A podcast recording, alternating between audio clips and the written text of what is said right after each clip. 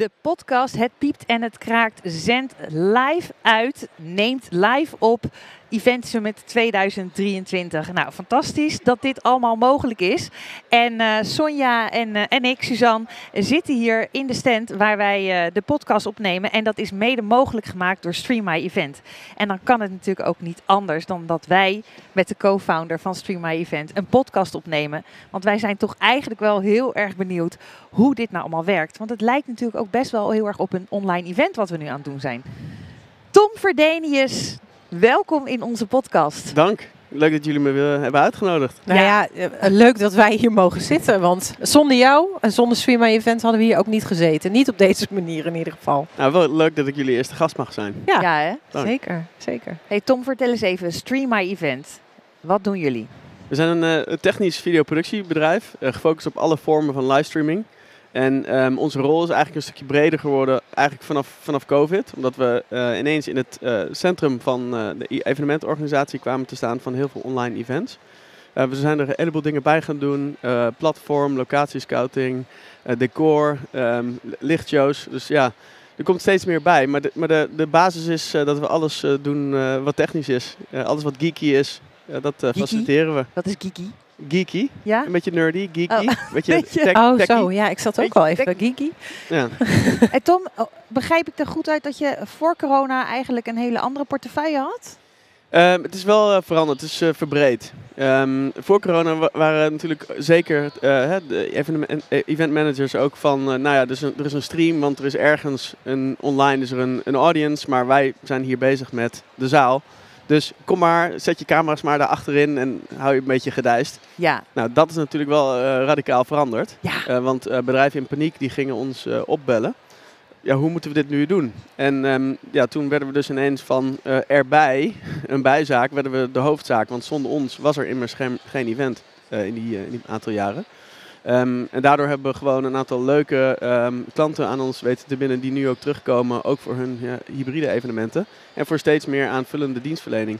En, en wat is dan die aanvullende dienstverlening? Ja, ik noemde het net al een beetje, maar bijvoorbeeld eh, denk aan de samenwerking die we bijvoorbeeld met Lively hebben rondom platform, ehm, eh, de registratie, decor doen we, doen we veel dingen mee.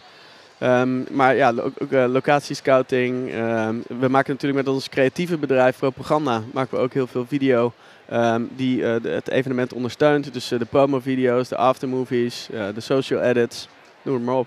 En, want je had het over platform scouting. Eh, Wat bedoel je daar dan precies mee? Nee, locatiescouting. Locatiescouting. ja, en, Ja, en, ik hoorde ook. hem eerder ook platform scouting Ja, zeggen. platform. Dus, ehm, ja, dus voor elk evenement eh, heb je natuurlijk een ander, of kun je een ander platform gebruiken voor elk doel en, en doelgroep.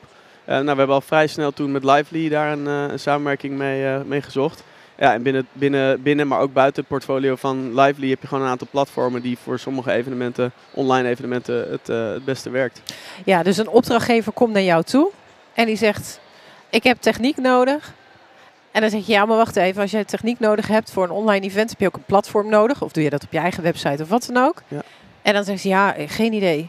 Precies. En dan ga jij kijken Ja, van wat zijn de wensen ten opzichte van wat het aanbod is. Ja, en wa- wat we veel zagen, met name in, in het begin eh, van corona, maar nog, nog steeds af en toe wel, is dat, het, dat, je, dat, hè, dat ook con-collega's soms gewoon heel erg geneigd zijn om, nou, dit is ons vaste platformpje en, en doe het daar maar mee. Terwijl het volgens mij heel verstandig is om vanuit de doelgroep te denken. Ja. Ehm, dus hè, waar, waar zit eh, de doelgroep? Maar soms hebben we ook bijvoorbeeld wel eh, klanten die hebben dan een gedeelte eh, publiek die uitgenodigd wordt. Echt gewoon op een invite-only platform. Maar daarnaast is het ook heel logisch om het bijvoorbeeld op hun LinkedIn te livestreamen.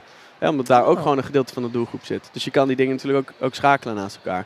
En ja, denk ik wel die online first gedachte die we hadden in het begin van corona. Waardoor we ook direct gewoon goed aan de bak konden in corona. En Ja. we dus qua mentaliteit en, en technische skills al heel, heel goed voorbereid waren op corona. Maar qua schaal nog niet helemaal. Dus we moesten, we zijn, zijn flink gegroeid. Dat is mooi. Dus jullie zijn meer dan een studio inmiddels. Zeker. Althans, ja. waren jullie al. Maar Het, het grappige is zelfs dat wij relatief laat een studio hebben eh, gekregen. Eh, want als je natuurlijk een, een AV-partij was met heel veel spullen en geen evenementen, dan had je eigenlijk binnen een maand had je een studio gebouwd. En wij hadden juist heel veel, heel veel dienstverlening, eh, maar niet een enorm eh, eh, warehouse met, met spullen. Dus wij hebben eigenlijk was in april 2021 een studio ge- eh, gekregen. Oh, echt? Ja. ja. Ja, en in 2020 hebben wij al een keer samengewerkt. Of tenminste, daar begon het dat ik jou leerde kennen eh, bij een gezamenlijke opdrachtgever. Ja. Op locatie inderdaad, want het was in het bedrijfsrestaurant Waar ni- Dat- niemand was. waar niemand was. En ik zag daar inderdaad, nou, wat daar opgetuigd werd door jullie. En ook aan, eh, eh, hè, sowieso apparatuur, maar ook jij echt heel veel mensen bij je. Ja. En daar willen wij ook wel even in deze podcast wat meer over weten. Van, hoe komt het dan dat je zoveel mensen bij je hebt? Hè? En waar is dat dan, eh, ja, wat maakt dat dan dat het ook zo werkt? Die, Ja, eh, ja, dat is ook een stukje nog met de regie natuurlijk. Hè? Juist. Dus je Ja. tuigt heel veel op. Je hebt heel veel apparatuur, maar de apparatuur moet bediend worden. En wat mensen nog wel eens onderschatten, dat is in ieder geval mijn ervaring. Want ik heb ook met Tom een keer gewerkt. En dat, was, nou, dat is ergens na april dan geweest, 2021, in jullie studio. En ehm, je, ik weet hoeveel mensen er nodig zijn om uiteindelijk een productie te draaien. Maar leg dat maar eens uit aan je klant. Ja. En waarom zou je een regisseur nodig hebben? Ja, precies. Dus hoe ga jij daarmee om als je zegt van nou, eh, ze willen van alles en nog wat. Eh, je hebt een geluidstechnicus, je hebt een audiotechnicus, of een, een audiotechnicus, je hebt een schakelregisseur, maar je hebt ook een Cameramannen. doom, cameramannen, je hebt een doombediener, je hebt nou ja, van alles content ook nog. Je hebt ook nog iemand misschien al nodig als er vijf, zes inbellers zijn. Ja. Hoe ga je dat uitleggen? Ehm, ik Want begin waarom kan diegene dat schakeltje niet hetzelfde tegelijkertijd doen als dat andere schakeltje? Nou, ik denk dat het eigenlijk begint met uit te leggen eh, dat, ehm, net als heel veel techniek, eh, eigenlijk eh, het steeds meer gedemocratiseerd is. Dus de basis van livestreaming, ehm, en ik doe dit nu tien jaar in de livestreaming, is een stuk makkelijker geworden. Als jij een laptop hebt en een camera, of zelfs de laptop in je camera kan ook, dan kun je gewoon naar YouTube streamen, naar LinkedIn streamen, whatever. Dus de basis is heel gemakkelijk geworden. Alleen als jij, ehm, als jij gewoon een, een echte tv-uitzending waardige eh, uitzending wil maken, dan eh, wil je een aantal eh failsafes eh, saves inbouwen. Ehm, dus je wil, Sorry, wat wil je inbouwen? Een aantal? ja, je, wil, Veel je wil, ze- zekerheden inbouwen in je productie. Ja. Ehm, Ja, en, zeker. en je ja. wil dus dat, de, dat degene die, als je het met veel inbellers te maken hebt, ja, dan wil je daar gewoon één poppetje op hebben zitten. En, ehm, maar ik, ik denk dus dat het begint met te onderkennen dat de basis eh, eh, van het streamen zelf eh, makkelijker is geworden. Alleen de kwaliteitseisen die er tegenwoordig aan gesteld worden, ja, die vereisen dat je nog wel steeds mensen nodig hebt. Ja. Overigens denk ik wel dat een aantal rollen, ehm, ehm, ja, dit gaat over tijd wel wat afnemen denk ik ook. Hè? Dus veel, voor camerawerk heb je natuurlijk wel veel PTZ, de robo- robotische camera's. Ja. Maar ook bijvoorbeeld de regisseur zelf, hè, de, de schakeltechnicus in de regie. Die heeft ook dat als er bijvoorbeeld bij corporates uh, gewoon een paar uh, video-instarts uh, zijn, ja, die, dat kunnen ze wel gewoon erbij doen. Maar ook daarbij geldt weer, als je heel veel instarts hebt, dus als je gewoon echt een, een, een, een rijke, rijke uitzending hebt qua, qua media, ja, dan wil je gewoon iemand ook dedicated daarop ja. hebben zitten. Ja. Nou ja, en die persoon, jij noemde het net even, die zeven inbellers uh, ook, dat je daar een persoon op wil hebben. Eigenlijk moet je het zo gaan bedenken, dat als jij een live event hebt en je hebt zeven sprekers, ja. wil je ook iemand hebben die die sprekers ja. ontvangt. Ja. En zegt van, hé, hey, we komen zo bij je of over vijf minuten mag je op. En het is heel gek om dan te bedenken, oh, we zetten daar niemand op. Die sprekers die komen in een soort online uh, wachtru wachtruimte. Ja. En dan zetten we ze maar voor wanneer ze voor moeten komen. Maar dat, zo werkt dat nee. natuurlijk niet. Nee. Ja, we, dat, we hebben natuurlijk ook best wel veel partijen gehad die uh, dan eerst hadden ze uh, de IT'er die deed het, of iemand op de marketingafdeling. En dan op een gegeven moment, ja, dan ging het helemaal mis. En dan, dan komen ze bij ons. Ja. En dan uh, onderkennen ze dat wel. Maar ik, ik krijg dat vaak wel uitgelegd. Um, en zeker als je dus inderdaad ook gewoon uh, uitlegt dat de basis makkelijker is geworden, maar een kwalitatieve uitzending, ja, daar heb je nog steeds mensen voor nodig. Ja, want dat is immens. Hè? Als je kijkt naar de afgelopen drie ja. jaar, die, die, die leercurve is uh, enorm stel ja. uh, ten aanzien van die kwaliteit en, en wat er allemaal mogelijk is. Zeker. En ik denk ook omdat uh, er zoveel online events en streams en, en teams meetingen geweest zijn, is ook zeg maar de hoe zeg je dat in het Nederlands? De, de behoefte aan, uh, aan kwaliteit is, is ook toegenomen. Want ja, uh, gewoon alleen maar, na, alleen maar zenden en, uh, en, en, en, en, een uitzending waar, waar ja. niks in gebeurt, ja, daar haken mensen gewoon af. Ja, ja. ja. Um, daarop aansluitend, want dan zeg je inderdaad, hè, alleen maar zenden, daar eh, haken ze op af. Eh, ik hoor jullie, jullie ook wel zeggen, die zeven inbellers. Diversiteit in een programma, nou, laten we zeggen van een uur, anderhalf uur, dat is heel erg gewenst. Vooral als mensen zitten de hele dag al eh, achter het beeldscherm zitten en ze gaan dan inbellen om te kijken. Of in ieder geval ze gaan kijken, dan willen ze altijd afwisseling. Dat vraagt om een heel programma. Dat vraagt ook dat dat goed geregisseerd wordt achter de schermen. Ja. Jij neemt altijd heel veel mensen mee, eh, terecht. Eh, en tegelijkertijd heb jij ook altijd één of twee medewerkers. Ik wil zeggen meiden. Het zijn ook eh, 9 van de 10 keer meiden. Dames moet ik zeggen natuurlijk. Die houden alles in de gaten. Maar die hebben veel minder eh, kennis van techniek. Maar ze zijn wel de regisseur. Ik zeg niet dat ze geen kennis van techniek hebben, want dat hebben ze wel degelijk. Die gaan niet aan de schuiven Ze zitten. gaan niet aan de Nee. schuiven zitten. Dat is wel echt de backbone, hè? Ik, ehm, we hebben veel dames die ook aan schuifjes zitten. En ik zou dus ook niet in de algemeenheid willen zeggen dat de dames daar... eh, maar waar, waar, ik denk dat dames vooral heel sterk zijn in productie. Ja. Oh, Ehm, dat is een leuke. Maar bijvoorbeeld, eh, wordt, deze show wordt nu op dit moment geschakeld door, eh, door Artina. Zij is een van onze eh, schakeltechnici. Ja, ze mag wel even op de camera. Kan dat? Want Ja, ze ik even dat. slide. Nee, ze niet kan niet dat- Nou ja, ze zitten in ieder geval Dus achter ja, de schermen. er zitten ja. genoeg Zit niet mensen niets achter, achter de schermen. schuifjes eh, hier. Ja. Ik zal je straks even voorstellen. Ja, heel goed. Nee, wat was je vraag? nou, ehm, eh, de regisseur. En jij zegt Ja. ook, hè, eh, vrouwen zijn over het algemeen beter in productie. Daar heb je voor Ja. gekozen dat zij dan... Maar dat is niet alleen in broadcast, dat is ook in film. Kijk eens, in filmproductie het zijn bijna alleen maar, Oh ja? dames. Ja. Oh, grappig. Maar die, die regisseur, die heb je ook altijd bij je. Of je huurt die in. Eh, wat, wat is daar precies eh, de rol van? Ja, dus er zijn denk ik het dus onderscheid tussen een schakeltechnicus. Dat is zeg maar als, een, als je tot nou ja, zeg maar vijf camera's een show draait. en je hebt inderdaad niet al te veel instarts. Maar op een gegeven moment, als je meer dan dat gaat, dan heb je gewoon iemand die gewoon echt goed is in het, het schakelen van, van meer camera. En Ja. die ook, denk ik, op voorhand goed meedenkt met de klant van hey, wat willen we neerzetten, wat komt wanneer in beeld. En die gaat er dan echt ook strak, eh, strak doorheen, zeg maar, Ja. door het programma. En die, die, die, die spreekt ons aan op, op dingen, maar die spreekt ook de klant aan op dingen. En allemaal om, het, om de show gewoon naar een hoger eh, niveau te krijgen. Ja. Afgelopen eh, oktober hebben we, heb ik zelf met eh, Jan-Willem Schram eh, gewerkt. Ja, dat is wel een van de beste in, in Nederland. En ja, onder zijn hoede eh, komt die hele show tot, tot stand. Ja. Terwijl, ehm, Wat, wat hoorde je daar wat voor jou nieuw was? Of dat je denkt, oh tof, dit heb ik weer even meegemaakt, Nou, wat ik in ieder geval heel tof eh, vond, is dat hij eh, heel erg eh, streng kan zijn op het moment dat het moet. En gewoon vijf minuten daarna weer gewoon grapjes loopt te maken op de intercom.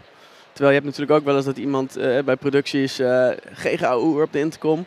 Ja. En dan is de sfeer gelijk gezet. Ja. Eh, maar hij, ehm, ja, hij navigeert zo goed door die twee, ehm, die twee sfeer, eh, sfeerbeelden heen eigenlijk. Dat, Ja. dat, ja, dat vond ik wel echt be Nou, dat vind ik ook wel de kracht. Want je moet toch dat team achter je zien te krijgen. Wat ik wel de goede eh, vond. En dat ik zeg altijd een regisseur. En dan heb ik niet over de schakelregisseur. Want die zit ook echt achter die knoppen.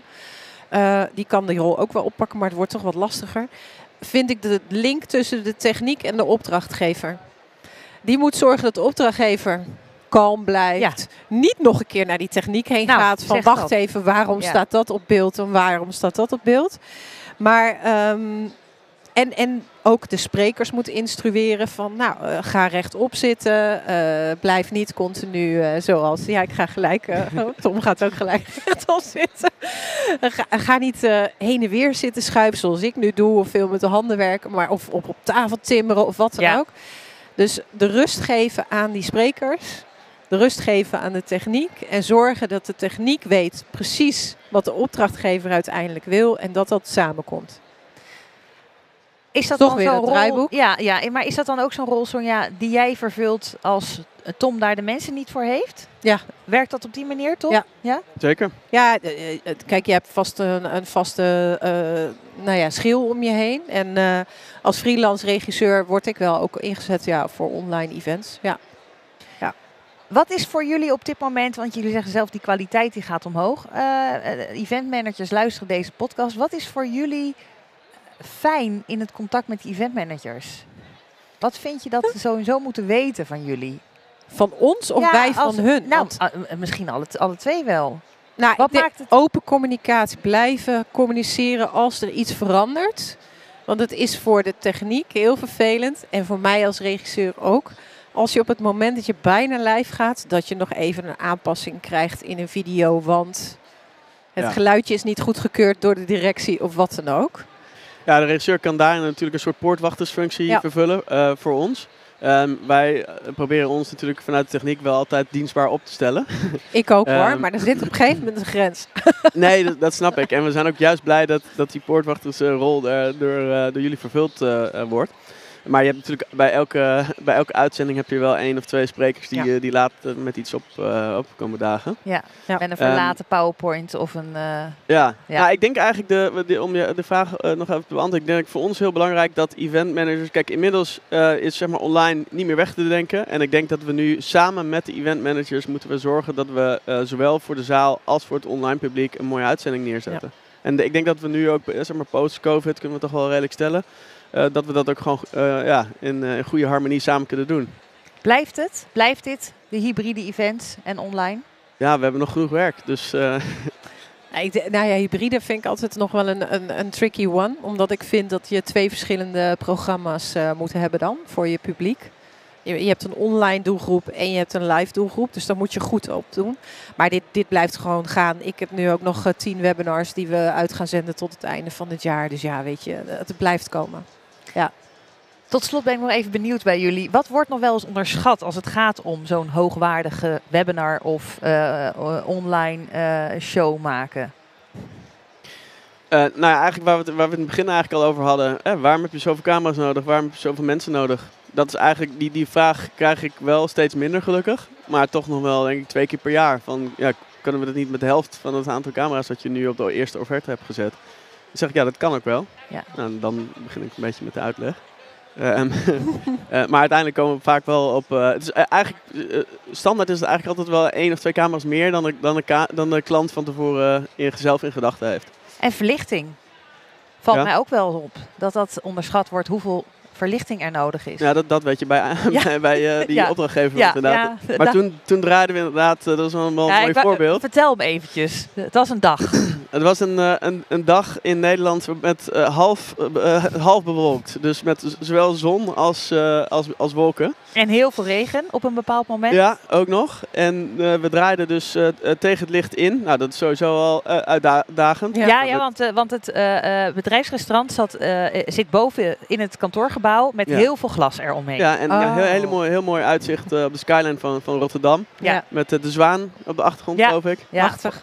Ehm, eh, ja, dan heb je, toen hebben we echt wel serieus licht mee moeten nemen. Eh, dus ehm het was Ja. een redelijk compacte opstelling. Het was gewoon een talkshowtafel en, en vier camera's. De regie die stond ergens, maar de- ergens anders. Maar de, het licht wat we nodig hadden om, eh, om Suzanne en haar gasten uit te lichten, dat was wel redelijk Ja. fors, ja. Nou ja, en voor Suzanne, voor jou als dagvoorzitter, jij bent er inmiddels aan gewend. Maar wat ik dus vaak dan ook nog krijg, is dat dan de opdrachtgever naar mij als regisseur komt. Die die zegt, ja, nou ik krijg er al hoofdpijn van na één seconde. Laat staan straks mijn sprekers die aan tafel zitten.